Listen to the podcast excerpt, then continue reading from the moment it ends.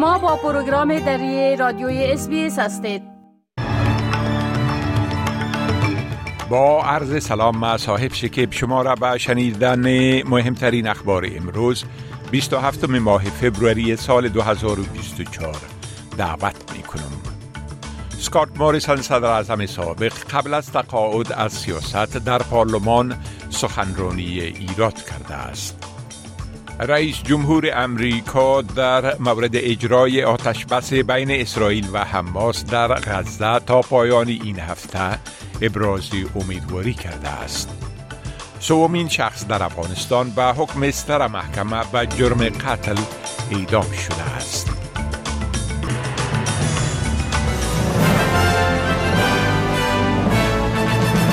تفصیل اخبار سکات مارسن صدر سابق استرالیا قبل از تقاعد از سیاست آخرین سخنرانی خود را در پارلمان ایراد کرده است. او در ماه جنوری اعلام کرد که در ماه فبروری از شغل 16 ساله سیاسی خود کنارگیری می کند و در بخش تجارت خصوصی به کار مشغول خواهد شد. آقای مارسن در این سخنرانی تودیعش امروز در مجلس نمایندگان گفت که بعد از دستاوردهای خود به شمول نحوه رسیدگی کردن به همگیری کووید 19 به حیث صدر اعظم افتخار می کند. Our plan was not just about saving lives, but to save livelihoods as well. And this was achieved with Australia emerging with one of the strongest economies through COVID. Our historic economic response kept 700,000 businesses in business. It kept more than a million Australians in work. And despite these unpredicted outlays, Australia was one of just nine countries to retain our AAA credit rating. Our response was timely, it was targeted, and we responsibly retired measures as soon as it was prudent to do so. او گفت اداره کردن اقتصاد کشور هنوز هم یک چالش کلیدی است و توصیه کرد که رهبران کشور باید در حفظ تقویت اقتصاد در این دور جدید رقابت های استراتژیک در جهان کوشا باشند. در حالی که ایالت ویکتوریا برای یک وضعیت جوی بالقوه فاجعه آمیز آمادگی می گیرد معمورین آتش نشانی در این ایالت توجهشان را به جلوگیری از مرگ و میر متمرکز ساختند. درجه بندی خطر آتش سوزی منطقه ومره برای فردا 28 فبروری از شدید به فاجعه بار ارتقا یافته است و تا اواسط هفته خطر آتش سوزی شدید برای شش منطقه از جمع نو منطقه با وضعیت جوی شدید ویکتوریا پیش بینی می شود. بادهای با سرعت 45 کیلومتر در ساعت پیش بینی شده و انتظار می رود که میزان حرارت در بسیاری از مناطق این ایالت تا بالاتر از 40 درجه برسد. لوک هیگارتی از مرکز کنترل ایالتی به ای بی سی گفته است که آمادگی گرفتن قبلی به خاطر جلوگیری از خطر آسیب مهم است. So we're encouraging people to really reconfirm their fire plan, make sure that they've checked it, make sure that they've made a decision now because the most important thing is making a decision before a fire starts and moving to a safer place. جو بایدن رئیس جمهور امریکا ابراز امیدواری کرده که آتش بس بین اسرائیل و حماس در غزه تا پایان هفته مورد اجرا قرار خواهد گرفت.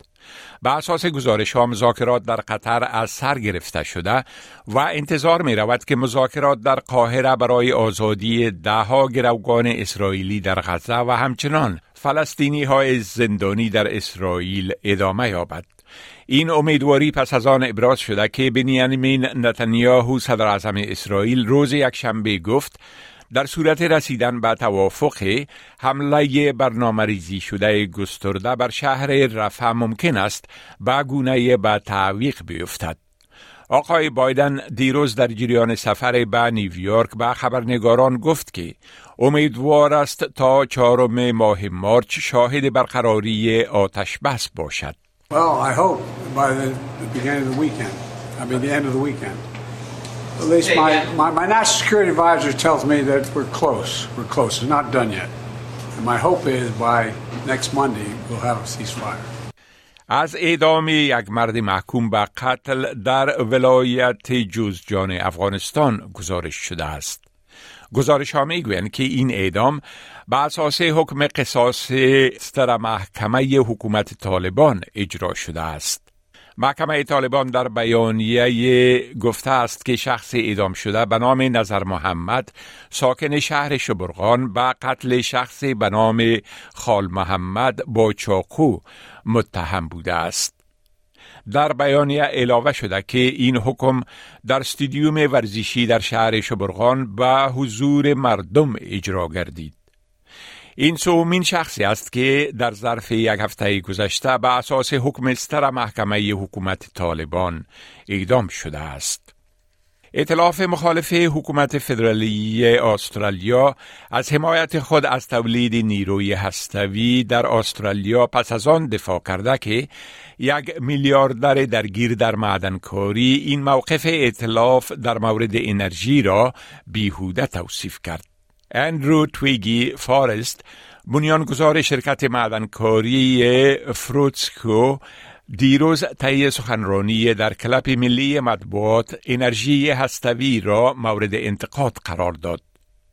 دکتر فارست وضع مالیات را بر شرکت های مواد سوخت فوسیلی و نفتی تقاضا کرده و می گوید که حکومت حزب کارگر در خطر ناکام شدن در برآورده ساختن هدفش برای کاهش آلودگی هوا به پیمانه 43 درصد تا سال 2030 قرار دارد.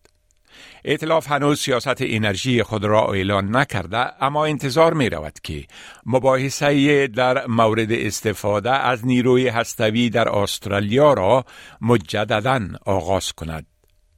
بریجت مکنزی سناتور حزب نشنلز از موضع اطلاف دفاع کرده و گفته است که همه ما خواهان رساندن انتشار گازات به صفر تا سال 2050 هستیم. This week we saw that nuclear energy is being favoured by young people in particular.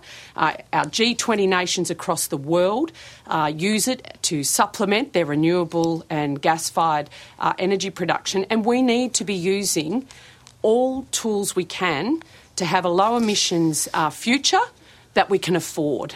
90 درصد یا بیشتر از کارفرمایان در بخش خدمات معدن، برق، آب و خدمات مالی و بیمه دارای تفاوت جنسیتی در معاش و حقوق به نفع مردان هستند. اداره برابری جنسیتی در محل کار حد اوسط تفاوت دستمزد جنسیتی تقریبا 5000 کارفرمای بخش خصوصی استرالیا را که بیشتر از 100 کارگر را در استخدام دارند نشر کرده است. نیمی از آنها تفاوت بالاتر از 9.1 درصد دارند. در حالی که حد اوسط ملی این تفاوت در معاش و حقوق زنان و مردان 21.7 درصد است و به صورت اوسط زنان سالانه در حدود 26400 دلار نسبت به مردان درآمد کمتر دارند. ملارندیری مکارتی سناتور مربوط حزب کارگر به چینل نو گفته است که این گزارش شفافیت شدیدن مورد نیاز را در مورد آن چیز زنان انجام داده می توانند و مقدار درآمد را که باید آنها کمایی کنند به دست می دهد. women across the country uh, and, and employers generally will be able to keep an eye on how they're going. And I think this is what's uh, where we're headed as, as a nation. Struggle for women to, to receive, uh, you know, respect in the workplace, but mm. certainly in, in their pay. یک دسته پارلمانی به اعضای پارلمان فدرالی این فرصت را فراهم می کند تا قبل از پایان مشوره در مورد پیشنهاد حکومت درباره میارهای موثریت و سودمندی ارادجات موترهای برقی را از طریق راندن آنها آزمایش کنند. هواخواهان پارلمانی ارادجات برقی همراه با سازمان های اجتماعی و صنعتی یک میز گرد را در حمایت از اقدامات برای کاهش مصرف ارادجات و تقلیل آلودگی میزبانی می کند. پیتر داتن رهبر جناح مخالف پیشنهادی حکومت در مورد میارهای موثریت ارادجات را مالیات جدید بر موترها و وسایل نقلیه خوانده و مدعی است که با اجرای این پالیسی حکومت قیمت بعضی از موترها به طور چشمگیر افزایش خواهد یافت. اما هایدی داگلاس مدیر اجراییوی Solar Citizens می‌گوید که اجرای این سیاست با وارد شدن عراده‌جات موثرتر و ارزانتر به استرالیا منجر خواهد شد. If we'd had fuel efficiency standards as proposed in 2016, Australians would have saved $27.5 billion in fuel costs. We can't afford for the delays of fuel efficiency standards any longer.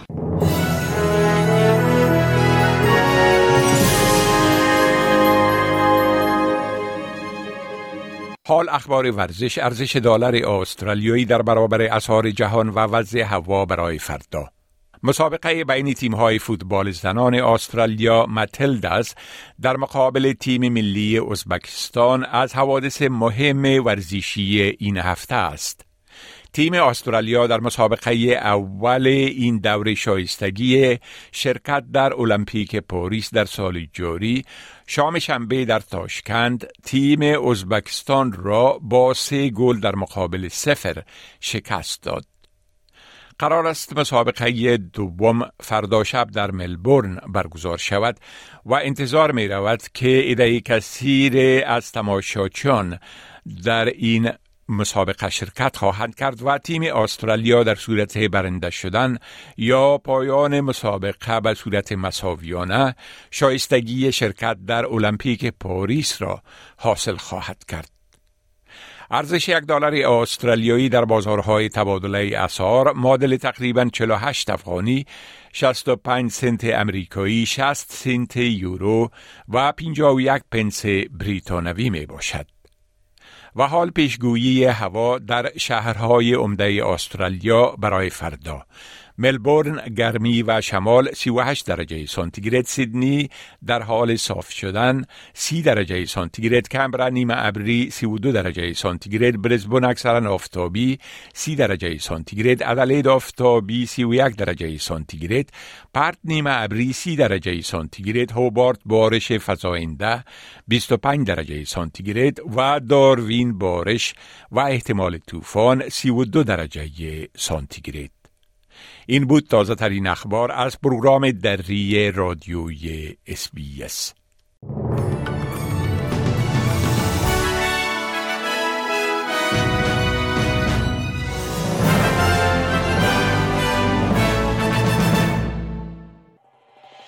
می خواهید این گونه گزارش ها را بیشتر بشنوید؟ به این گزارشات از طریق Apple Podcast، Google Podcast، Spotify و یا هر جایی که پادکاستتان را می گیرید گوش دهید.